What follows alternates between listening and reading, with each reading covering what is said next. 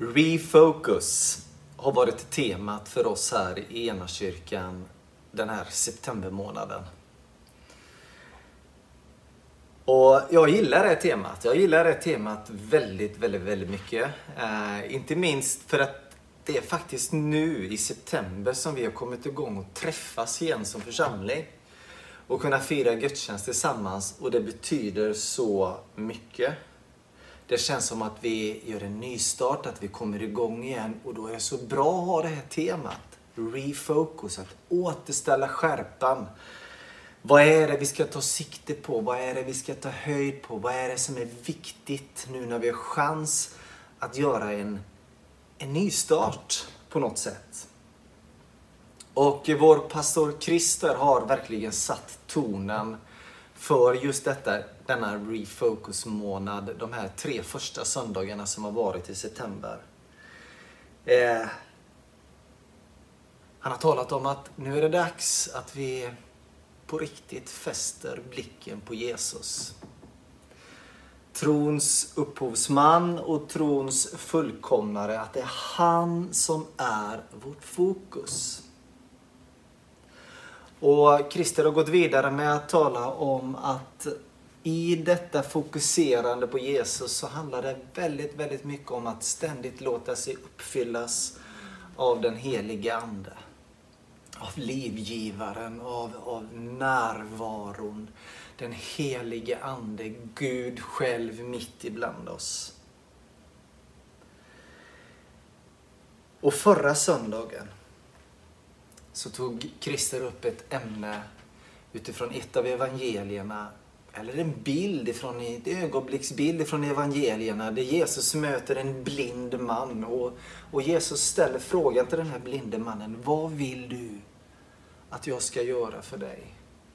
Det är som om Jesus vänder sina öron för han vill höra, vad vill du att jag ska göra för dig? Och det ständiga örat tror jag väldigt mycket handlar om för oss när vi ska ställa in fokus igen. Att ha till våra medmänniskor här i Enköping. Vad vill ni att vi som församling ska göra för er?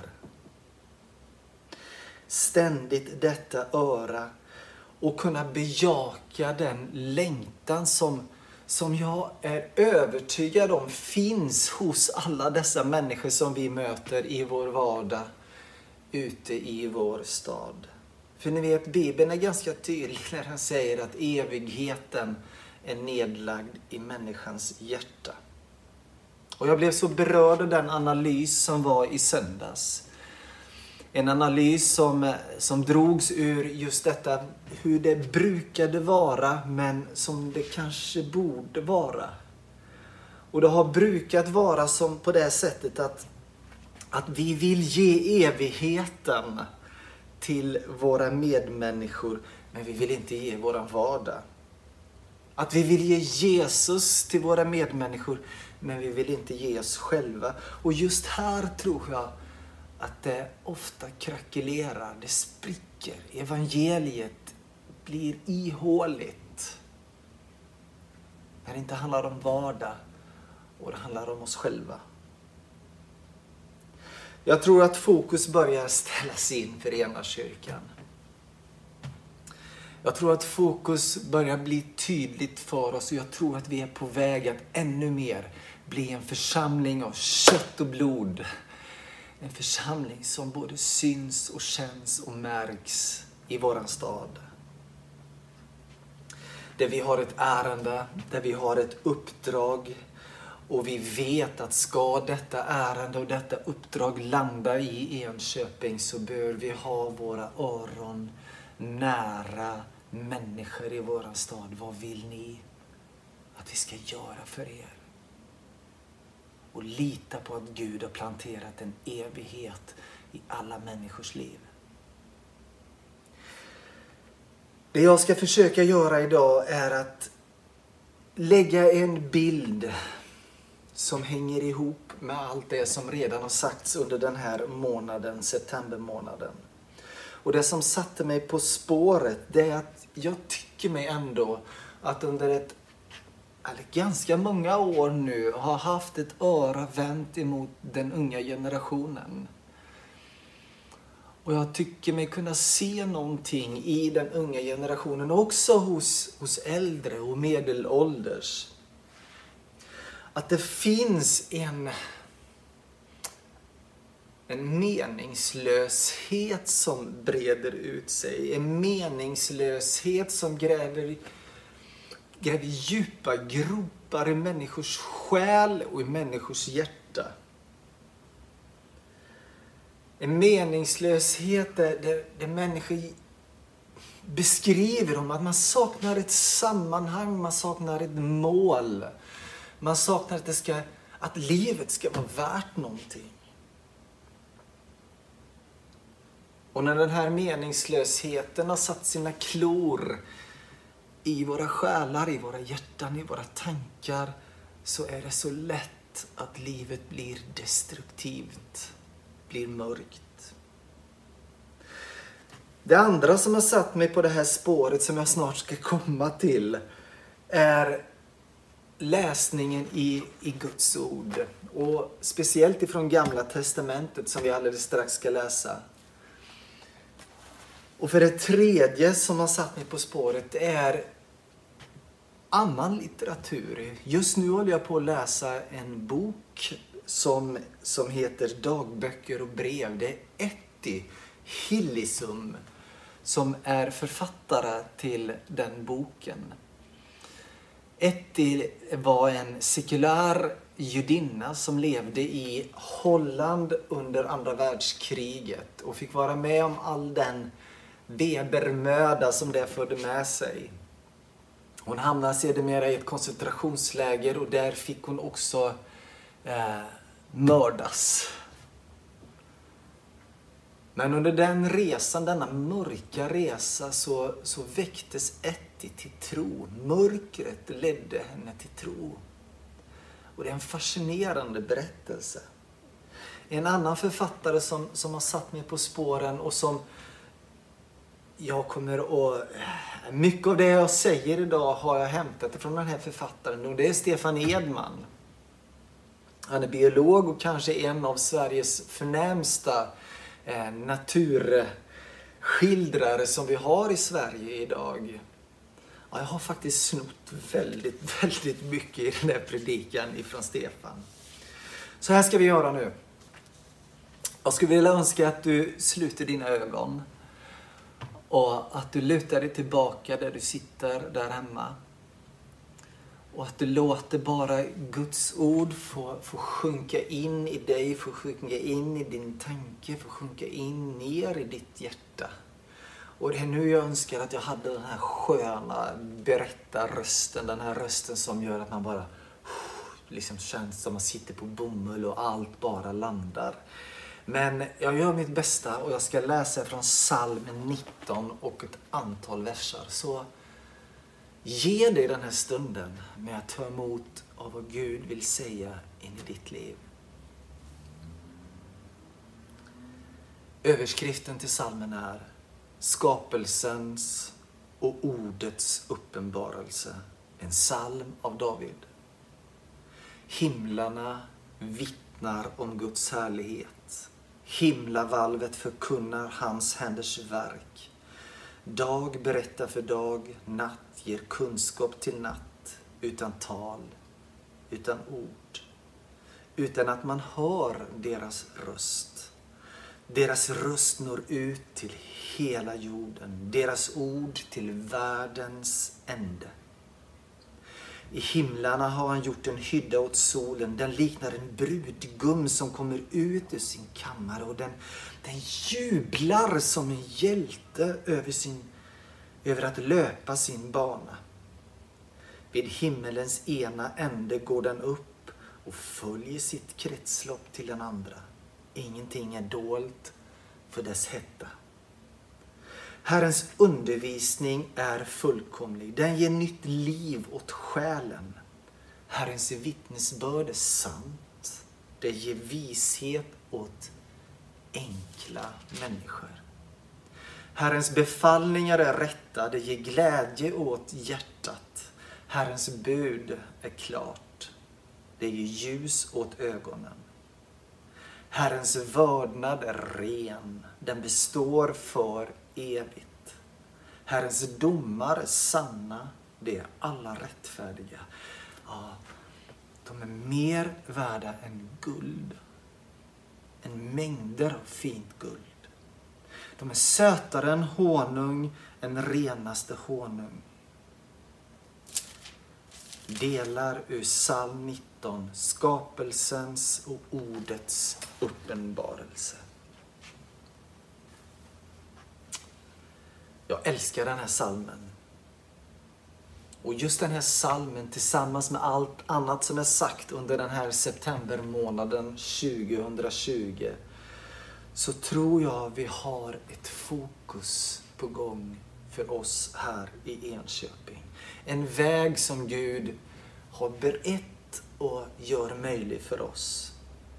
I den här salmen så hålls två saker samman som det är så lätt för oss att sära på.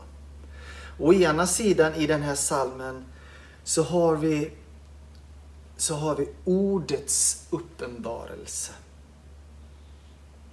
Och vi har så lätt ibland, är min erfarenhet och upplevelse, att hamna i, i ord, ord, ord, ord. Hela den västliga kyrkan på något sätt hamnar i det ord, ord, ord om än vackra ord, teologiskt sanna ord, men det blir bara ord.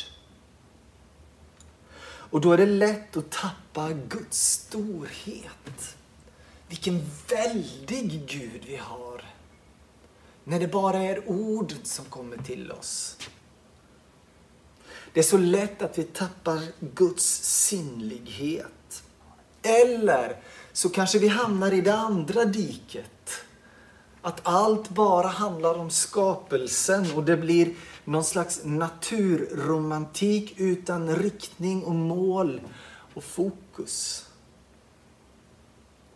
Jag vill mena att stora delar av vår västliga kyrka har tappat uppenbarelsen som är i skapelsen. Och jag tror att då tappar vi bort helheten som hålls ihop i den här salmen. Himlarna vittnar om Guds härlighet. Himlavalven förkunnar Herrens väg. Dag berättar för dag, natt ger kunskap till natt. Utan tal och utan ord hörs deras röst och de går ut över hela världen. Skapelsen är som Guds stora megafon. Går ut över hela världen.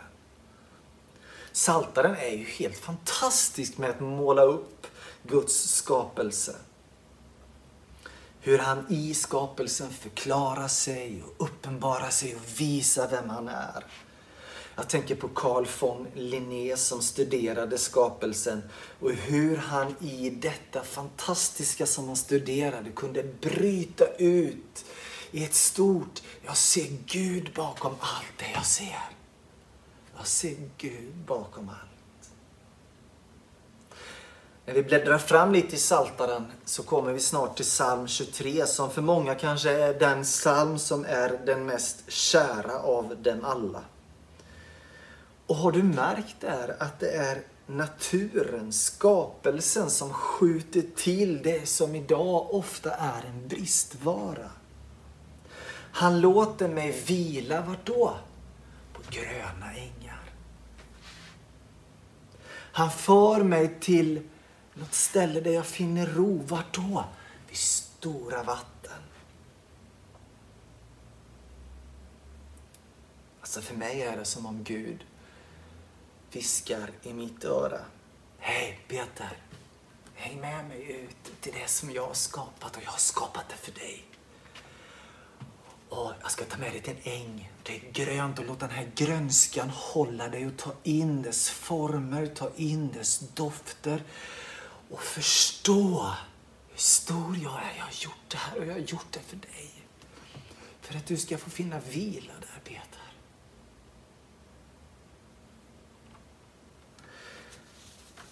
När de gamla grekerna på Jesu tid talade om skapelsen så talade de om kosmos vilket kan betyda många olika saker, men bland annat så kan kosmos betyda det sköna och det vackra eller prydnaden om du så vill.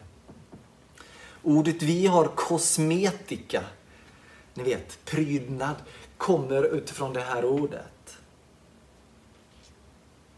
Han viskar vidare till mig, Gud. Hej Peter, kom här ut. Oh, du behöver lite ro nu Peter, jag ska ta med dig till ett vatten. Och du ska få sitta där vid detta vatten som jag har skapat. Bara låt det få din puls att sänka sig. Jag vill vara som ett vatten för dig, ständigt strömma igenom. Jag har skapat dig Peter. Jag har skapat det här. Tycker om det. Och jag vet när vi får koppla ihop vår moderna naturvetenskap med denna sanning att vi har en Gud som har tänkt och som har format och som har sett att det här är så gott, det här är så bra. Så är det som om Gud bara växer för mig. Jag menar, ta bara det här som ett exempel. Om du går ut i en rabatt och tar en näve full med mull, så har du i din näve med, med mull lika mycket levande organi lika många levande organismer som det finns människor på vår jord. Hörde jag rätt? Ja, du hörde rätt. I en näve mull. Det finns miljoner efter miljoner efter miljoner nyttiga kvävefixerande bakterier som ser till att hela kretsloppet löper. Utan dessa för oss osynliga kvävefixerande bakterierna så skulle vi vara helt lost. Peter, jag har gjort det här. Förstår du? Förstår du vem jag är? Förstår du att du är i ett sammanhang och jag har satt dig här. Du hör hit. Eller drick ett glas vatten. Kemisk beteckning H2O. En syreatom och två väteatomer på den här syreatomen. Ni kanske känner igen bilden av en, en vattenmolekyl, en, en syreatom och två väteatomer. Och ni vet, vinkeln mellan dessa två väteatomer är exakt 104 grader. Skulle den vinkeln förskjutas på något sätt åt något litet håll så skulle vattnets essens, hela vattnets funktion bryta samman. Den skulle tappa sin förmåga och vi skulle vara helt lost. Allt liv på jorden skulle vara helt lost. Fatta vilken helig konstruktion en vattenmolekyl är. Peter, jag har skapat vattnet för dig. För att du ska kunna få sitta där och jag har kontroll, jag har skapat det här. Vinkeln är 104 grader och det är precis vad du behöver. Vi skulle kunna fortsätta så här och lägga fram fakta på fakta på fakta på fakta och bara få känna hur Gud växer. För Gud har gjort det. Och du vet, det skapar en sån förundran hos mig. Och när förundran börjar skapas så skapas det också den här Wow, tänk att jag får finnas till i det här och Gud har en tanke med det. Och det är självklart att det måste vara så, eller hur? För tänk, hur kommunicerade Gud med människor innan den här boken låg för våra händer? Innan vi hade Bibeln. Alltså, Spola tillbaka bandet ett antal tusen år. Alla människor som levde då. Hur talade Gud? Det är klart han talade genom det Gud hade skapat. Jag ska läsa från Romarbrevet för dig.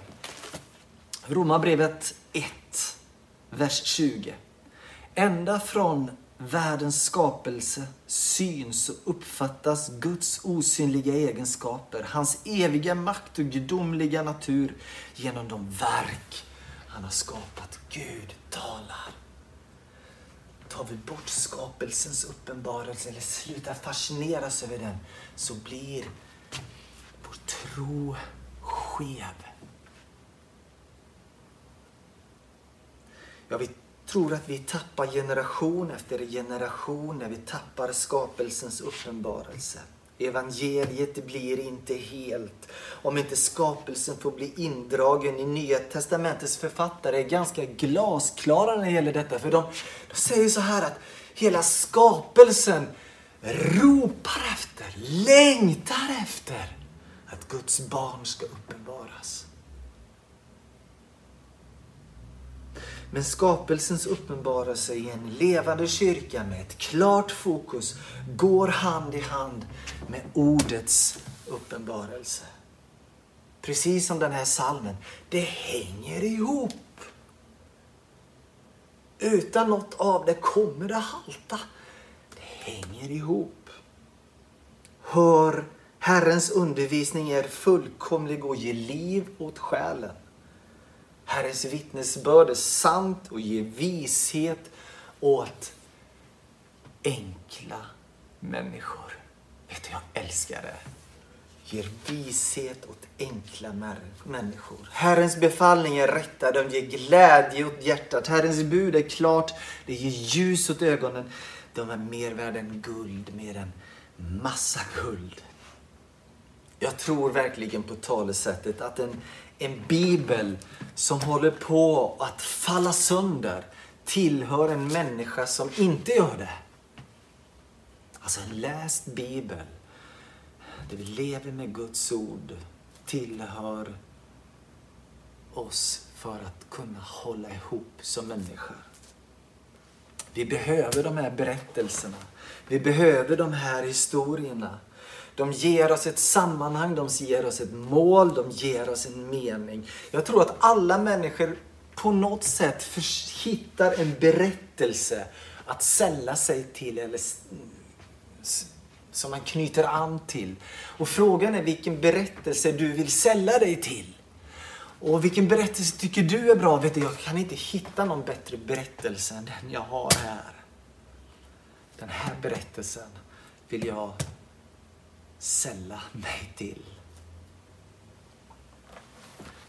Men det ord som jag tänkte bara så här avslutningsvis tala om idag, det är kanske inte först och främst det här ordet. Utan det är det ord som finns så tydligt nedtecknat och som är så vackert nedtecknat i Johannes evangelium, det första kapitlet och det som vi brukar kalla för Johannesprologen. Det står ungefär så här. Ordet fanns från begynnelsen och ordet var Gud. Allt blev till genom det. Alltså hela skapelsen blev till genom det här ordet som, som fanns i begynnelsen och var Gud. I honom var liv och livet var människornas ljus. Och nu kommer det. Är du med nu? Nu kommer det. Och ordet blev kött och bodde ibland oss. Och vi såg hans härlighet, den härlighet som den enfödde har från Fadern. Och han var full av nåd och sanning. Johannes talar här om Jesus. Ordet blev kött. Teologin har ett jättevackert ord för det här. Man talar om inkarnation i köttet.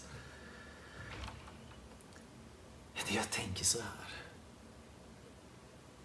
Ibland så kan jag uppleva att, att den moderna kyrkan målar upp en, en dualism. Alltså en spänning mellan materia och ande. Medan Bibeln ger oss en nyckel, en hemlighet som den kallar för inkarnation. Det ande och materia blir ett där det håller ihop. Då det hör ihop. Att bli fylld av den helige Ande. Att materien blir fylld av Ande. Och så är vi tillbaka till det som vi har tryckt på här under september månad. Vi är inte en kyrka med bara massa fina ord eller teologiska ord. Utan vi lever med ett fokus. Vad kan vi göra för dig? Vad kan vi göra för dig? Det var ett öra som är vänt till, till Gud, till den, den skapelse, den värld som vi har runt omkring oss. Hur kan vi visa på att det finns en Gud som vill ta oss till gröna ängar där vi finner vila? Hur kan vi visa på att det finns en Gud som är närmare dig än du tror, som redan finns hos dig, som vill ta dig till vatten där du finner ro? Det är så häftigt när man frågar fäderna i Östkyrkan, vad är meningen med livet? Och på den frågan svarar de glasklart och snabbt och tydligt att bli fylld av den helige Ande. Vad kan jag göra? Vad kan vi göra för att vara en, en del av vägen till din befrielse? Och vet du, det här är för oss enkla människor. Människor som ser Gud bakom allting. Människor som förundras över skapelsen som Gud skapade och såg att det var så gott. Det här är för oss enkla människor som inte tvekar på att dra på sig sandalen och gå ut och fråga vad kan vi göra för dig? Det här är för oss enkla människor som tror på inkarnationen, att ordet måste bli kött. Det är nyckeln, det är hemligheten med hela våran tro. Ordet blev kött. Det är för oss enkla människor. Ni vet, det var inte logiken eller ett logiskt tänkande som fick Mose att räcka ut handen över Sävehavet. Det var inte medicinsk forskning som fick Natan att doppa sig sju gånger i floden. Det var inte sunt förnuft som fick Paulus att sätta nåden framför lagen. Det var inga självsäkra kommittéer som satt i små rum i Jerusalem trängda av allt och alla. Det var människor som var enkla. Men det var människor som var fyllda av bävan men också en stor Gud i ryggen och i sina hjärtan. Det var enkla människor. Precis som du och jag. Och vet du, jag tror att ena kyrkan har ett fokus Amen.